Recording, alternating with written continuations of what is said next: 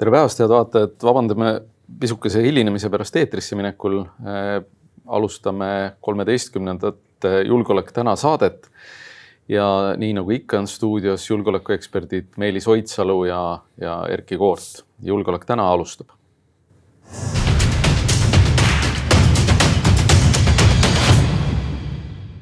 kolmeteistkümnes saade räägib kolmandal äh, sõjakuul või õigemini juba neljandal käival sõjakuul kindlasti jätkuvalt Ukrainast. Äh, räägib ka sellest, äh, mida Eestile on sellest õppinud ja selle saate pealkirjaks panime me inspireeritud siis eelmise aasta Kaja Kallase ütlusest, et suvi jääb ära koroonakriisi tõttu toona mäletatavasti, siis nüüd, kas suvi jääb Putini tõttu ära või vähemalt, kas osadel inimestel jääb suvi Putini tõttu ära, sellepärast kui me oleme täna olnud, eks kolm kuud selles äh, sõjas, äh, tegelikult tsivilisatsioonide sõjas on ju, võib-olla mitte veel kolmandas maailmasõjas, kuigi seda on ka nii nimetatud, siis kolme kuu pärast ehk septembris noh, on olnud see sõda pool aastat, juhul kui see sel ajal veel kestab praegu sõditaksegi Ukrainas seal Donbassis, kuhu nüüd venelased on kõik oma nii-öelda ressursi äh, suunanud selle suve pärast, et milline on lähtepositsioon, siis noh, varem või hiljem tuleb mingi lahinguline paus või intensiivsus läheb madalamaks.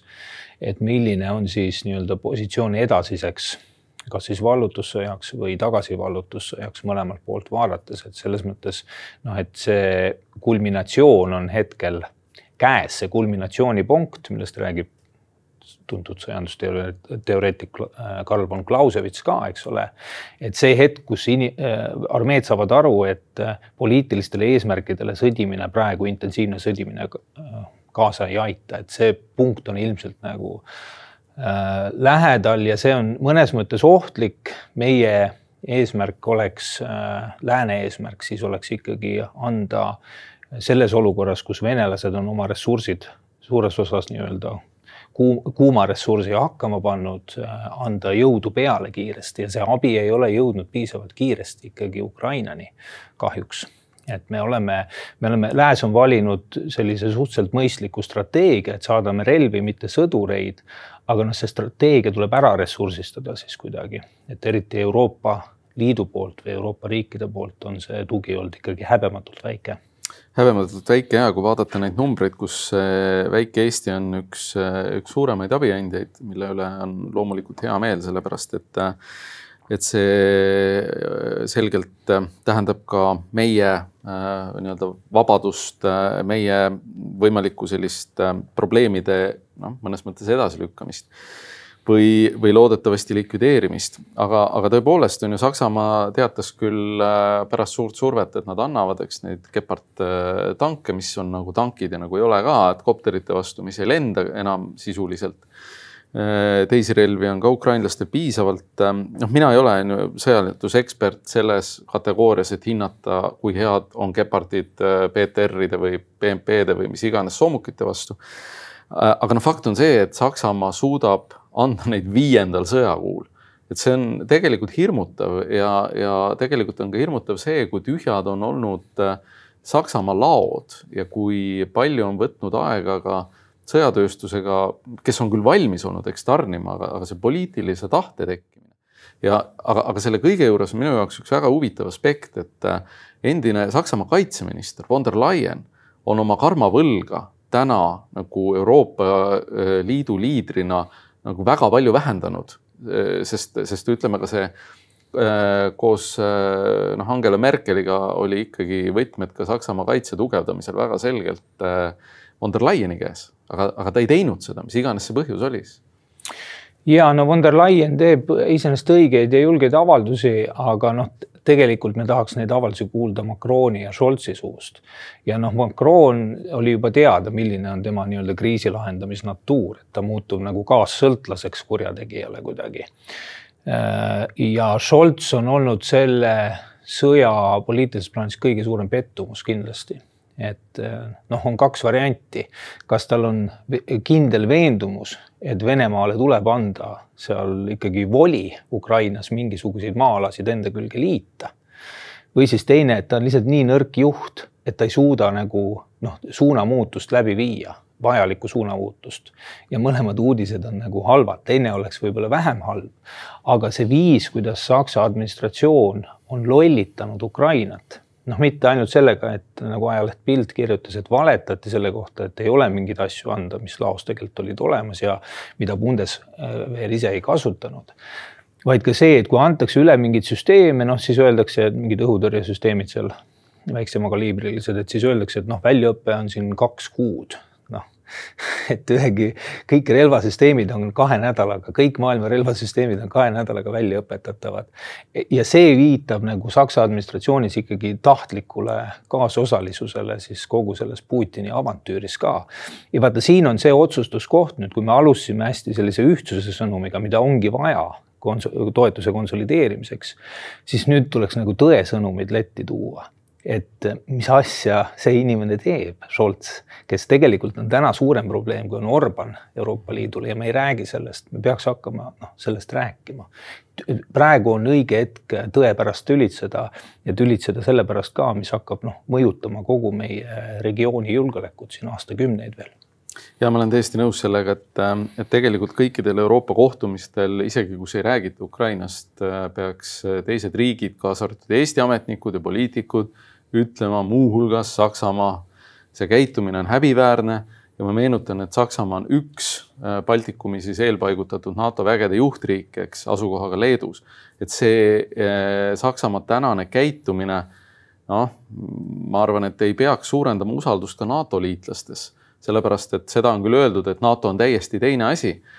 Äh, no loodame, et see nii on, aga, aga see käitumine on ikkagi natuke sedapidi, et, äh, et noh, nemad seal kusagil Ida-Euroopas ja meie hea eluviisi jätkumine. noh, on selge, et Venemaa täna töötab väga aktiivselt selle nimel, et äh, leida mingisugust hooba, millega läänele keerata suuremat käru ja sundida läänt tegelema oma probleemidega rohkem kui Ukrainaga kui meenutada, on ju kaks tuhat neliteist peale Krimmi hõivamist läks mõni aeg aega, kui algas Süüria pagulaskriis, mis sundis Euroopat vaatama ja tegelema väga palju Süüria pagulasprobleemiga, mille põhjustas Venemaa lauspommitamine Süüria linnades. ja, ja ma ütleks niimoodi, et see noh, tänases vaates on väga selge nagu põhjusliku või sellise kausaalse seosega, et et ka Euroopa unustas äh, Ukraina toona selle nii Donbassi kui Luganski sõja kiiremini, kui ta oleks unustanud seda ilma.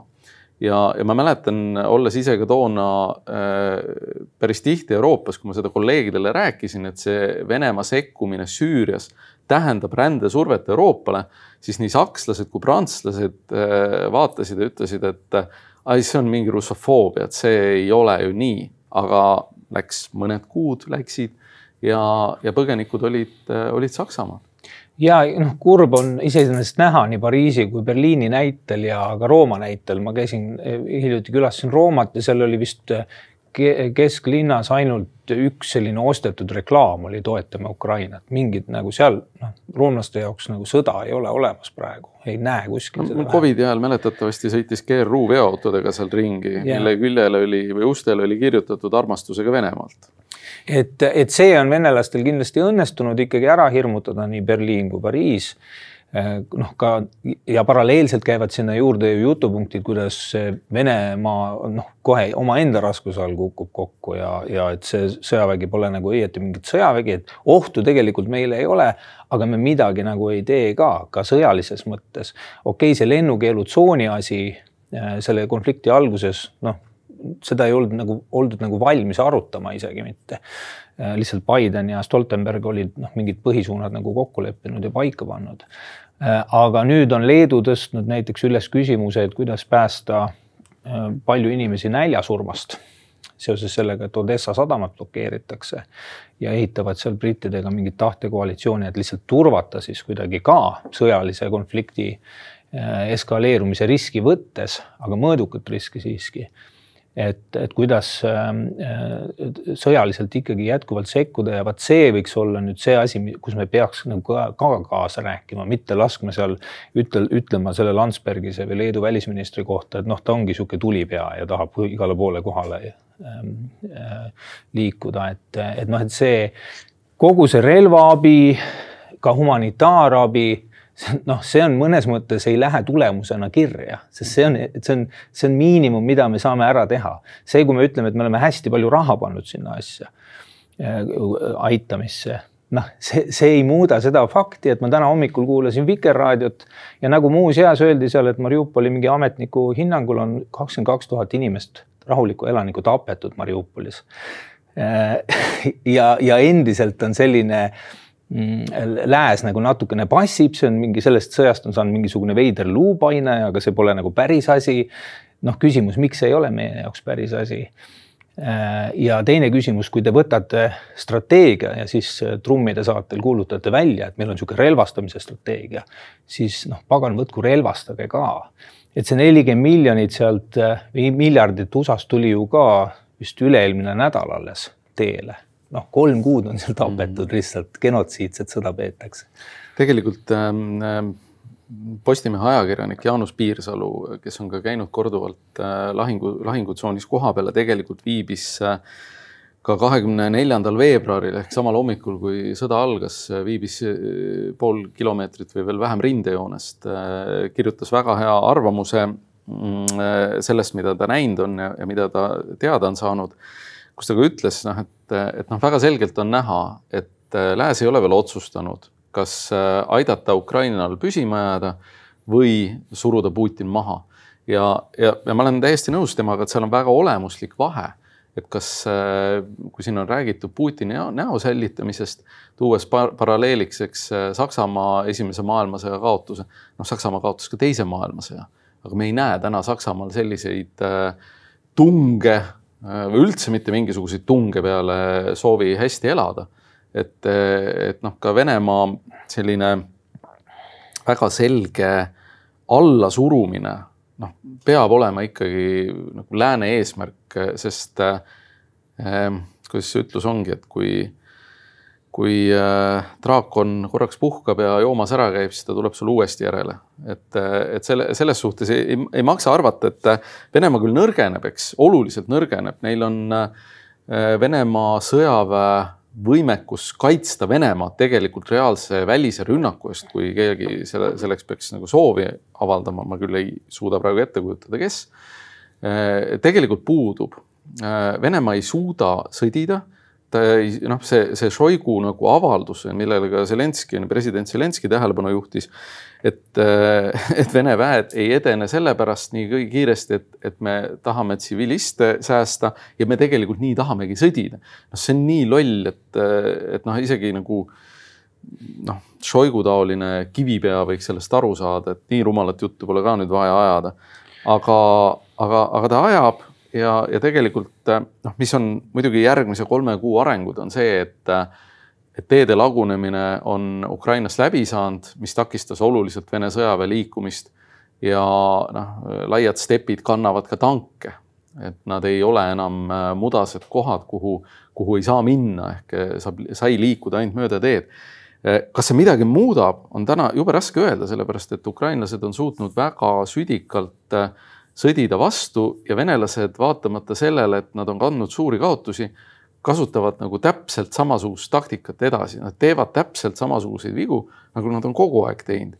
ja, ja kui siin eh, Ukraina võitis nii-öelda Kiievi lahingu, pärast seda Venemaa viis eh, väed, eks Donetski suunale, hakkas ründama rohkem sealt siis ma vaatasin ka Eesti näiteks sõjaväeluurejuht ütles, et, et kui noh, Kiievi suunal sõditi nagu välja tuli, siis nüüd hakatakse sõdima nagu peab. noh, ei ole hakatud sõdima nagu peab, ikkagi sõditakse nii, nagu välja tuleb. Ja noh, siin nüüd lähitulevikku vaadates, et me läheme siin suvisele pausile selle saatega, et mingites muus formaatides ilmselt võtame sõna ka selle, selle sõja kohta, aga siin lähitulevikku vaadates noh, on äh, lääne jaoks mitte niivõrd Ukraina jaoks nagu järgmised otsustuskohad. esiteks see, et mida teha ikkagi selle Odessa blokaadiga, see on, venelased on seal noh, selles mõttes tulnud välja, no ütleme, see on ainuke õnnestunud lahing venelastel selles sõjas, sest nad on tulnud suhteliselt nii-öelda äh, äh, väheste kuludega suutnud suure mõju või surve panna mitte ainult Ukrainale, kes, kellel jääb kuskil noh, seal oli sadu miljoneid USA dollareid päevas tulu saamata selle katkestuse tõttu varustusliini katkestuse tõttu, vaid ka siis noh, kogu maailma üldsuse jaoks, et pannakse nii-öelda mingi kauplemisobjekt, eks ole, ähm, lauale, mis ongi no ihaldusväärne partneri jaoks ja tekitatakse surve. et äh, seal tuleb kaaluda nii-öelda sõjalist kaitsvat sekkumist. Äh, noh, see sõltub hästi palju Türgist, kes seda Musta merd nagu nii-öelda valitseb ja sinna niisama sõita ei saa, et härra Erdogan peab loa andma siis teiseks Euroopa Liit peab mõtlema välja, et kas ta tegelikult tahab Ukrainat toetada või mitte ja see peab rahas välja, väljenduma, praegu on vist äh, sõjaline abi vist seal kuni kaks miljardit on nagu otsustatud. see on, see on liiga vähe. Noh, see ei ole see suurusjärk, et meil, meil on teisest maailmasõjast siin kaheksakümnendit möödas varsti. Ja ikka on nii, et mingi Ameerika presidendi otsusest sõltub see Eesti tulevik ka, noh, et kuhu me, kuhu me nagu liigume oma julgeolekuga, kas me üldse alles jääme. me ei taha sellist Euroopa Liitu tegelikult. et ja, ja seal tuleb nagu survestada kulisside taga rohkem, see, kas keegi on kuskil ajalehes, väga hea, kui on, see aitab nagu ka noh, rahvaste meelsust kujutada või kujundada, aga tegelikult see, ma tahaks näha, et tuleks mingid tülid ka, mis kulisside tagant välja tulevad, et oi, siin ongi reaalne tüli nagu meie tuleviku pärast, sest Euroopa Liidul praegu puudub visioon. Äh, Euroopa osas ka, Euroopa Liidu alusmõte oli rahu äh, ja siis majandust kasutati instrumendina sidemete, rahulike sidemete tugevdamiseks. nüüd on meil kõik nagu siuksed natuke pensionieelsed pankurid seal vaatavad täiesti mit-, noh mitte mingit nagu sära silmis ei ole, nägemus puudub, milline võiks olla rahulik Euroopa. kui, kui sinna jääb küdema niisugune nii suur nagu konflikt, see hakkab Euroopa Liidu majanduslikku toimetulekut ja konkurentsivõimet otseselt mõjutama ja vot seda noh, mõtlemist ma ei näe praegu, mis võiks olla, et milline see Euroopa tulevik võiks olla. ma, ma ütleks ka niimoodi, seesama mõte, mida, mida sina arendasid ja, ja see tegelikult, mida ma ennem ütlesin, et, et kõikidel tasemetel kõikidel kohtumistel tuleb öelda nii sakslastele kui prantslastele, kuulge, see, mis praegu toimub, mõjutab väga otseselt, nagu sa ütlesid, Eesti püsimajäämist. ja seda tuleb öelda kõikidel Euroopa Liidu kohtumistel, kõikidel NATO kohtumistel ja üleüldse kõikidel kohtumistel, ka siinsetele suursaadikutele, nii Prantsuse kui, äh, kui Saksa suursaadikule. et kuulge, see ei ole see, millega Eesti nõus on ja, ja noh, arvestades seda, et Prantsusmaa, eks lõpetab oma praegust eesistumist. Äh, noh, ütleme niimoodi, et Prantsuse eesistumisel juhtuvad ainult halvad asjad. eelmine kord ründas Venemaa Gruusiat Prantsuse eesistumise ajal. mis see lahendus oli? mitte midagi, on ju, sihuke plärtsatus või plörtsatus. Äh, noh, samamoodi praegu on ju. tegelikult Macron on, on tahtnud peale Merkelit tõusta ja peale brittide lahkumist tõusta Euroopa liidriks ja tal oli tegelikult olemas kõik eeldused. tänaseks on ta noh, muutunud millekski selliseks eh, noh, täiesti arusaamatuks Putini näo säilitajaks, no mis. mõnevõrra see sõda on näidanud, kui õõnes on olnud Macroni jutt sellest, et Euroopal on mingi julgeolekuline autonoomia, mm. noh et selle jutu ta võib endale noh, väga sügavale kurku tagasi toppida, selle jutupunkti, et enne kui mingit otsustavat muutust ei ole siin vastu suve tekkinud, sest see noh, suvi on ka, venelane seab ka oma plaane selle järgi, et ta vaatab, kuidas nagu teised käituvad, kui pikalt seda operatsiooni on vaja teha ja siis noh, sellest tulenevalt teeb võtta, võtab vastu otsuse, kas suvel eskaleerida või siis tõmmata see nii-öelda külmutatud konfliktiks ja annekteerida poliitiliselt ära Donbass, Luhansk, kuulutada välja siis nagu võit, eks ole, näed, emake Venemaa jälle kasvas oma ajalooliselt õiglastesse piiridesse. et, et seda on vaja ka kõike kuidagi ennetada ja mõjutada ja sellega ma olen täiesti nõus, et äh, tegelikult äh, noh, on siin öeldud, eks, et aeg töötab Venemaa kahjuks, aeg töötab kõigi kahjuks praeguses momendis. töötab Venemaa kahjuks, kelle tegelikult sõjavägi ja majandus põlevad äh,. töötab Ukraina kahjuks, kus hukkuvad tsiviilelanikud äh,, kus venelased purustavad äh, taristud ja kus hukkuvad ka Ukraina sõdurid. kindlasti me näeme äh, lisaks Mariupolile veel Vene vägede edu mingites piirkondades, loodetavasti lokaalselt aga kindlasti mingisugused sellised äh, sündmused tulevad, et äh, meeldib see meile või mitte, sellepärast et kuiv maa võimaldab rünnata teistmoodi kui, kui äh, märg ja porine kevad. kindlasti töötab aeg maailmas sellesama toidukriisi osas väga suure, suure kahjumiga see sündmus töötab Euroopa Liidu kahjuks ja see sündmus töötab tegelikult ka NATO kahjuks noh, on räägitud siin, eks, et, et Putin on parim müügimees Soome ja, ja Rootsi NATO-sse aitamiseks. noh, ma ütleks niimoodi, et vaadates Soome-Rootsi varasemat käitumist, siis jah, see muudab kindlasti julgeolekupilti Läänemerel. aga Soome-Rootsi tahavad NATO-sse eelkõige enda julgeoleku tõstmiseks, mitte tingimata Eesti, Läti, Leedu julgeolekuruumi kindlustamise pärast et see, et, et selles suhtes, et äh, kui kellelgi on nagu seda tüüpi eeldus, et juhtub, juhtub nagu kogu aeg on loodetud, et, et Soome tuleb vennasrahvale appi, siis noh, pigem on Soome ise samal ajal samamoodi hädas, kui Eesti peaks rünnaku alla sattuma. ja mingit sellist abi me, ma arvan, küll ei näe. Eestist ja NATO-st rääkides, siis noh, meie suves kõige olulisem punkt on NATO Madridi tippkohtumine, mis seal nii-öelda tugevdustena ära tuuakse. praegu see pilt ei ole väga hea ausalt öeldes et eh, noh, mingi esmane tagasiside on diplomaadid on ka ütelnud, et see ei, ei vasta meie äh, vajadustele, et see tugevdused, mis seni on saadetud, noh, tegelikult on pigem taktikalised, nad ei ole, noh, reaalselt ei ole seal iga riik paneb üles sinna Twitterisse ka säutse, kuidas nad saadavad kolmsada sõdurit ühte riiki ja siis ma ei tea, mingisuguse rühma tanke kuskile teise riiki, noh, see on kõik nagu naeruväärne vaadates, vaadates, mis on, mis on toimunud, et natukene on siin ka letargiat NATO-s näha.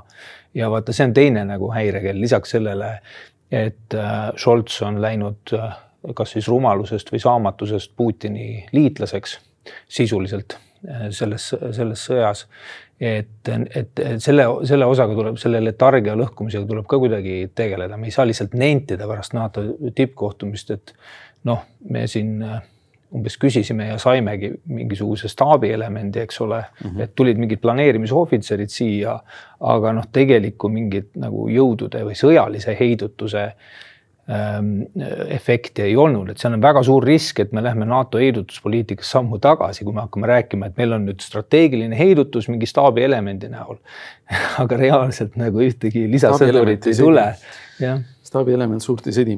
aga ma tuleks korra selle juurde, et mida see eelseisev suvi Eestile toob, et mäletatavasti eelmisel suvel algas Leedu äh, rändekriis, eks, kui, kui suunati inimesi siis äh, üle Leedu-Valgevene piiri ja hiljem ka üle Poola piiri äh, noh, suvi on puhkuste aeg, tahes või tahtmata, et, et see noh, aga küsimus muidugi on selles, et kuidas sellele ühele või teisele sündmusele reageeritakse, et täna käib ikkagi väga aktiivne sõjategevus sõjategevuses osaleb ka meie piiritaguse, riigi piiritagused väeüksused, näiteks seesama Pihkva, Pihkva dessantiviis. ehk et tegelikult noh, olukord on äh, täiesti, täiesti teistsugune kui varem. ja, ja minu arust, mis on noh, väga hea, et valitsus on, on äh, leidnud võimaluse toetada julgeoleku valdkonna investeeringuid, äh, igasuguseid muid vajadusi Äh, väga hea, et parlamendis on tahe jätkuvalt seda, seda tagada. mis on minu arust äh, hakkab nagu vaikselt nagu kinni vajuma, on, on ajaaken mingisugusteks, äh, mingisugusteks otsusteks, et, et noh, me rääkisime siin enne üheksandat maid, eks, et üheksas mai on natuke niisugune ühiskonna nagu lakmuspaber või näitab ära temperatuuri ühiskonnas. et tegelikult äh, Äh, see eksam läks meil ju paremini kui Lätis. turvalisust tagavad ja. ametid on ju, Politsei- Piirivalveamet sai suurepäraselt hakkama, minu hinnangul vähemalt. noh, Kaitsepolitseiamet, kes sealt äh, väga välja ei paistnud, aga kes ilmselgelt, kellel oli väga suur roll, on ju noh, suurepärane töö on ju, suurepärane sooritus. Enne seda saadeti veel äh, välja, välja ka inimesi, eks Eestist, kes destabiliseerisid. Aga, aga nüüd on, ongi see, et see üheksanda mai edu meid ennast ei uinutaks, sellepärast et äh, meil on jätkuvalt probleem väga paljude vene koolidega, meil on jätkuvalt küsimus, mida teha nende samade Teise maailmasõja mälestusmärkidega, noh, teatavasti monumentaalkunsti mõte on näidata, kellele kuulub see maa. ja, ja ma arvan, et sellised äh, sellised asjad nagu Narva tankid ja, ja muud niisugune kola peaks, peaks Eesti nagu tänavapildist ja, ja ruumist äh, kaduma sinna, kus on tema koht ehk äh, kas muuseumisse või, või siis äh, muuseumi aia taha. et sa ennustad suveks ka lisaks pärislahingutele Ukrainas siinseid nii-öelda monumendi lahinguid. ma väga loodan, et valitsus ei ja, ja, ja vastavad ametkonnad ei, ei lase ennast uinutada sellest, et noh, läks ju hästi, pole probleemi. las olla, las olla, las olla et teatavasti siin, ma ei mäleta küll, kus surnuajal see oli, vabandan väga, on ju, millises Eesti kohas, kus tundub, et üks traktorist teisaldas ise ühe Vene mälestusmärgi, et noh, ka see ei ole, ei ole võib-olla see, kuhu me peaksime jõudma, et inimesed hakkavad neid isa, ise teisaldama. aga, aga ma arvan, et see ajaaken täna, noh, Venemaa ei suuda reageerida nendele sündmustele ja need asjad noh, tuleb ära teha. teine selline meelsusküsimus, sa rääkisid ühest sellisest meelsus nii-öelda plaanist, mis võiks olla Eestil olemas. teine meelsusplaan, mida tuleks kinnistada, mis juba on tekkinud selle sõjaga, on see, et eh, valmidusest võib nüüd rääkida ja, ja nii-öelda kriisideks ja sõjaks valmistumiseks võib rääkida ilma selle süüdistuseta, et eh, ära õhuta sõda siin või et see on, sa ajad inimesi ärevaks. et see ilmnes ka noh, kui siin sai sõjastuudiot tehtud, siis ilmnes ka noh, mõne poliitiku reaktsioonist kui sai räägitud, et noh, vaadake need tavalised need Päästeameti soovitatud varud üle mm, -hmm. kohe tekkis selline, et miks sa nagu õhutad sõda. seda tuleks nüüd kuidagi soodustada ja kinnistada, et see jääkski nii et kaoks ära need süüdistused ka noh, näiteks ma ei tea, siseministeeriumi asekantsler, kes valmiduse eest vastutab, et ära räägi nii palju sellest, et muidu inimesed ehmatavad ära. et minna selle Soome mudeli peale üle kus me ei oota viimase hetkeni, kuna seal keegi luurejuht ütleb, et noh, tegelikult meil ka on oht nüüd sada protsenti. vaid et isegi kui luurejuht märkab, ei saa öelda, teinekord ongi nii, et ei näe mingeid asju ette, siis meil on ikkagi valmidus olemas selleks nagu kuidagi rea sellele reageerida, et see nii-öelda ohupõhine poliitika kujundamine noh, julgeolekusse maksab varem või hiljem kätte lihtsalt, sest et sel hetkel, kui sul oht tekib, sul enam aega juurde osta ei ole võimalik, isegi kui raha on ja ma, ma olen täiesti nõus. Noh, see, et eh, kui hakati rääkima, et varu enne maru ja, ja varu, hoia endal kriisivaru kodus, siis eh, inimestele noh, minu jaoks on nagu noh, täiesti idiootne, kui inimestele tuleb üllatusena, et need relvad, mis üle Vabaduse väljaku paraadil veerevad, ei olegi paraadi jaoks ostetud, vaid need on ostetud reaalseks sõjategevuseks. ja ja siis tekkis, eks, et ostke koju paar pakki makarone ja sellest tekkis siis sõjahirm. see on, see on nagu täiesti arusaamatu, aga, aga noh, nii see asi oli ja võib-olla, võib-olla olekski pidanud rohkem seletama või, või noh, rääkima, rääkima asjadest nii nagu oli, et, et arvestades meie ajalugu, siis, siis see kasvõi piiratud konflikti oht või, või mingisuguse väeosa ülema hulluks minek, noh, pole kunagi välistatud kindlasti seesama, mis ma rääkisin, see monumentide teema noh, see on see, mis eh, tekitab lõhet ühiskonnas jätkuvalt, nende püsimine, mitte nende kõrvaldamine. ja, ja kolmas asi minu arust, mis on, on ikkagi venekeelne haridus nagu, et no mida paganat. see, see on nagu, nagu uskumatu, kuidas eh, me aastani kaks tuhat kolmkümmend viis tahame hoida vene kooli eh, väga paljud koolijuhid on kindlasti väga toredad inimesed, aga väga paljud ei ole Eesti suhtes äh, positiivselt meelestatud või vähemalt äh, on nad äh, äraootavalt meelestatud. ja, ja tänasest päevast võttes sügisel lähevad esimesse klassi lapsed, kes lõpetavad veel paralleelkoolisüsteemi Eestis, kui see mudel jääb paika. ehk et minu arust on Eesti julgeoleku huvides Äh, pigem jätta üks tank ostmata, aga kõrvaldada nagu selline olukord Eestis nagu väga kiiresti ära.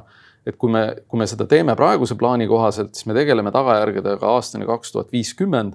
kui me teeme selle ära paari aastaga, mis saab olema valus, muidugi saab olema valus ja see nõuab finantseerimist aga me oleme aastaks kaks tuhat kakskümmend viis suured probleemid kõrvaldanud. meil läks siin keelesaateks kätte ära, et selle tanki, mida meil niikuinii ei ole, meil ei ole tanke, võib jah ostmata jätta.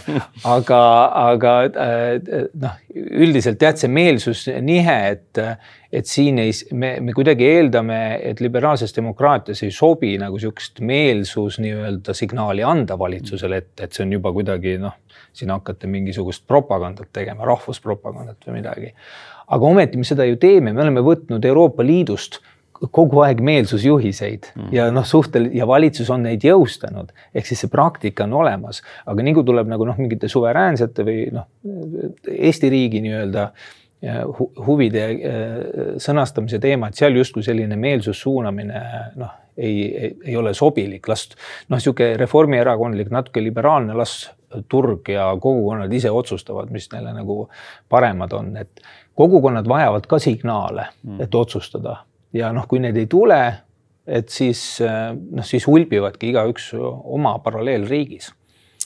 ja nii, mis sa arvad, kuhu me sügiseks jõudnud oleme?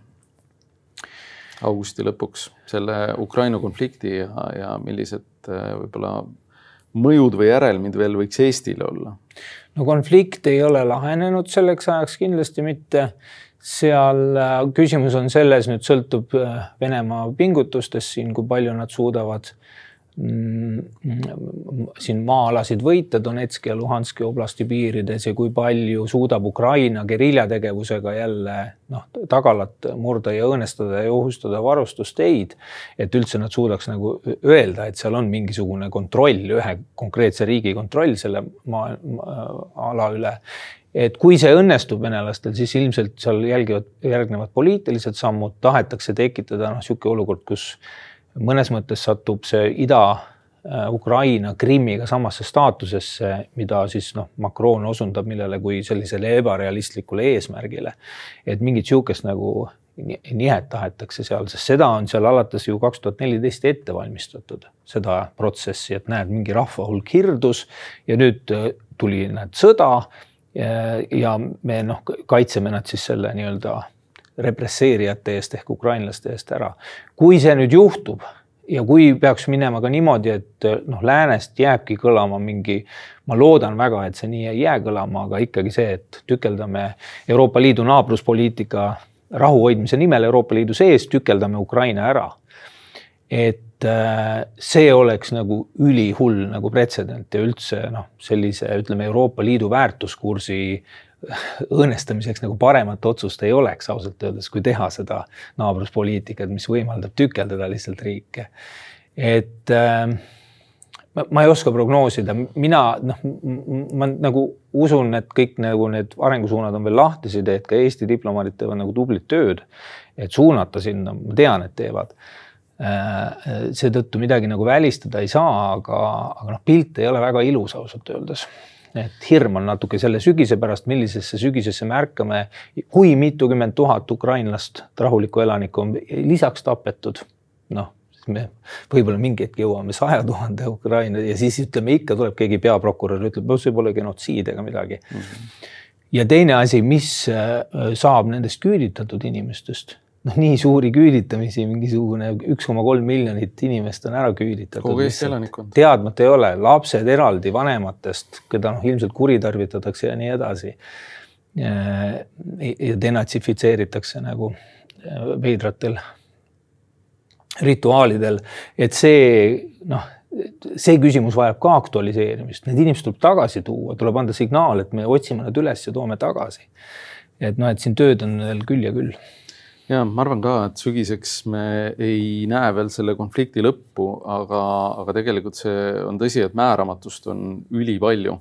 ja, ja, ja ennustada on noh, jube tänamatu, ma arvan, et ukrainlased on selleks ajaks kogenud äh, rindel nii võite kui ka kaotusi sest äh, noh, paratamatult sõja juurde need käivad, et äh, loomulikult me tahaks uskuda alati Ukraina võitudesse aga ka noh, Mariupol oli kaotus, väga kangelaslik tegu väga,, väga-väga suur asi. noh, loodetavasti Mariupoli kaitsjad on suve, suve lõpuks vähemasti kodus. ma arvan, et, et me oleme selle aja peale näinud ka midagi samaväärset nagu raketiristleja Moskva põhja laskmine, on see siis mõni allveelaev, on veel mõned pealveelaevad sellist askeldamist Ussisaare ümbruses. kindlasti on selleks ajaks selgunud midagi selle viljakriisiga sest noh, see ei, see ei saa niimoodi lihtsalt maa, maailm ja lääs ise ei kannata seda välja. Äh, probleem on selles, et äh, suvi on puhkuste aeg ka Euroopas ja valmistumine. puhkab muide augustis, nii et on näha, et kas nad lähevad ja. ka kollektiivpuhkusele augustis see aasta. Nende kollektiivpuhkus on muide alati olnud sel ajal, kui Ukra või venelased oma suurõppusi alustavad. nii et äh, noh, see näitab ka noh, natukene mm -hmm. nagu mõtlemist või sellist reaalsustaju mm, -hmm. kontrolli oleks vaja NATO-s sees ka kindlasti seal ametkonnas ja, ja, ja, ja ma arvan, selleks ajaks me oleme näinud ära ka mingi järgmise sigaduse, mille Venemaa on välja mõelnud lääne ühtsuse õõnestamiseks ja lääne sund, siis sundimiseks tegelema oma probleemidega või mingisuguste pealesurutud probleemidega, mida Venemaa tahtlikult tekitab, noh a la rändekriis, nagu oli seal. ja, ja siis tuleb talv ja kütteperiood ja noh, ma usun, et keegi ei taha teada, mis selleks ajaks saab äh, energiahindadega. jah, sest kõik need Euroopa liidrid ka, Kaja Kallas sealhulgas on ju eelkõige ka mõne poliitilise erakonna juhid ja nad peavad jääma nii-öelda pukki ja opositsioonid ka nendes riikides, nad teevad kõik võimalikku, et neil oleks seda ärevust enne sügist. et aga noh, jällegi väärtuspoliitika seda tuleb äh, hakata noh, üsna julmalt nagu tagasi tooma Euroopa diskussioonidesse ka. et mhm. see äh, Ameerika presidendi nii-öelda poliitilisest hetkeolukorrast sõltuvusse seadmine Eesti riigi nagu julgeoleku pikemaks ajaks ei ole väga kestlik mm. -hmm ja, aga selline sai Julgeolek täna kolmeteistkümnes saade. täna eh, me saatega Äh, teeme suveks pausi, kindlasti nii nagu juba räägitud, ei tee me pausi oma kommentaaridest ja, ja pole sugugi välistatud, et äh, ka suvel tuleb mõni erisaade. julgeolek täna, olenevalt nendest sündmustest, aga suur tänu teile vaatamast ja kõike head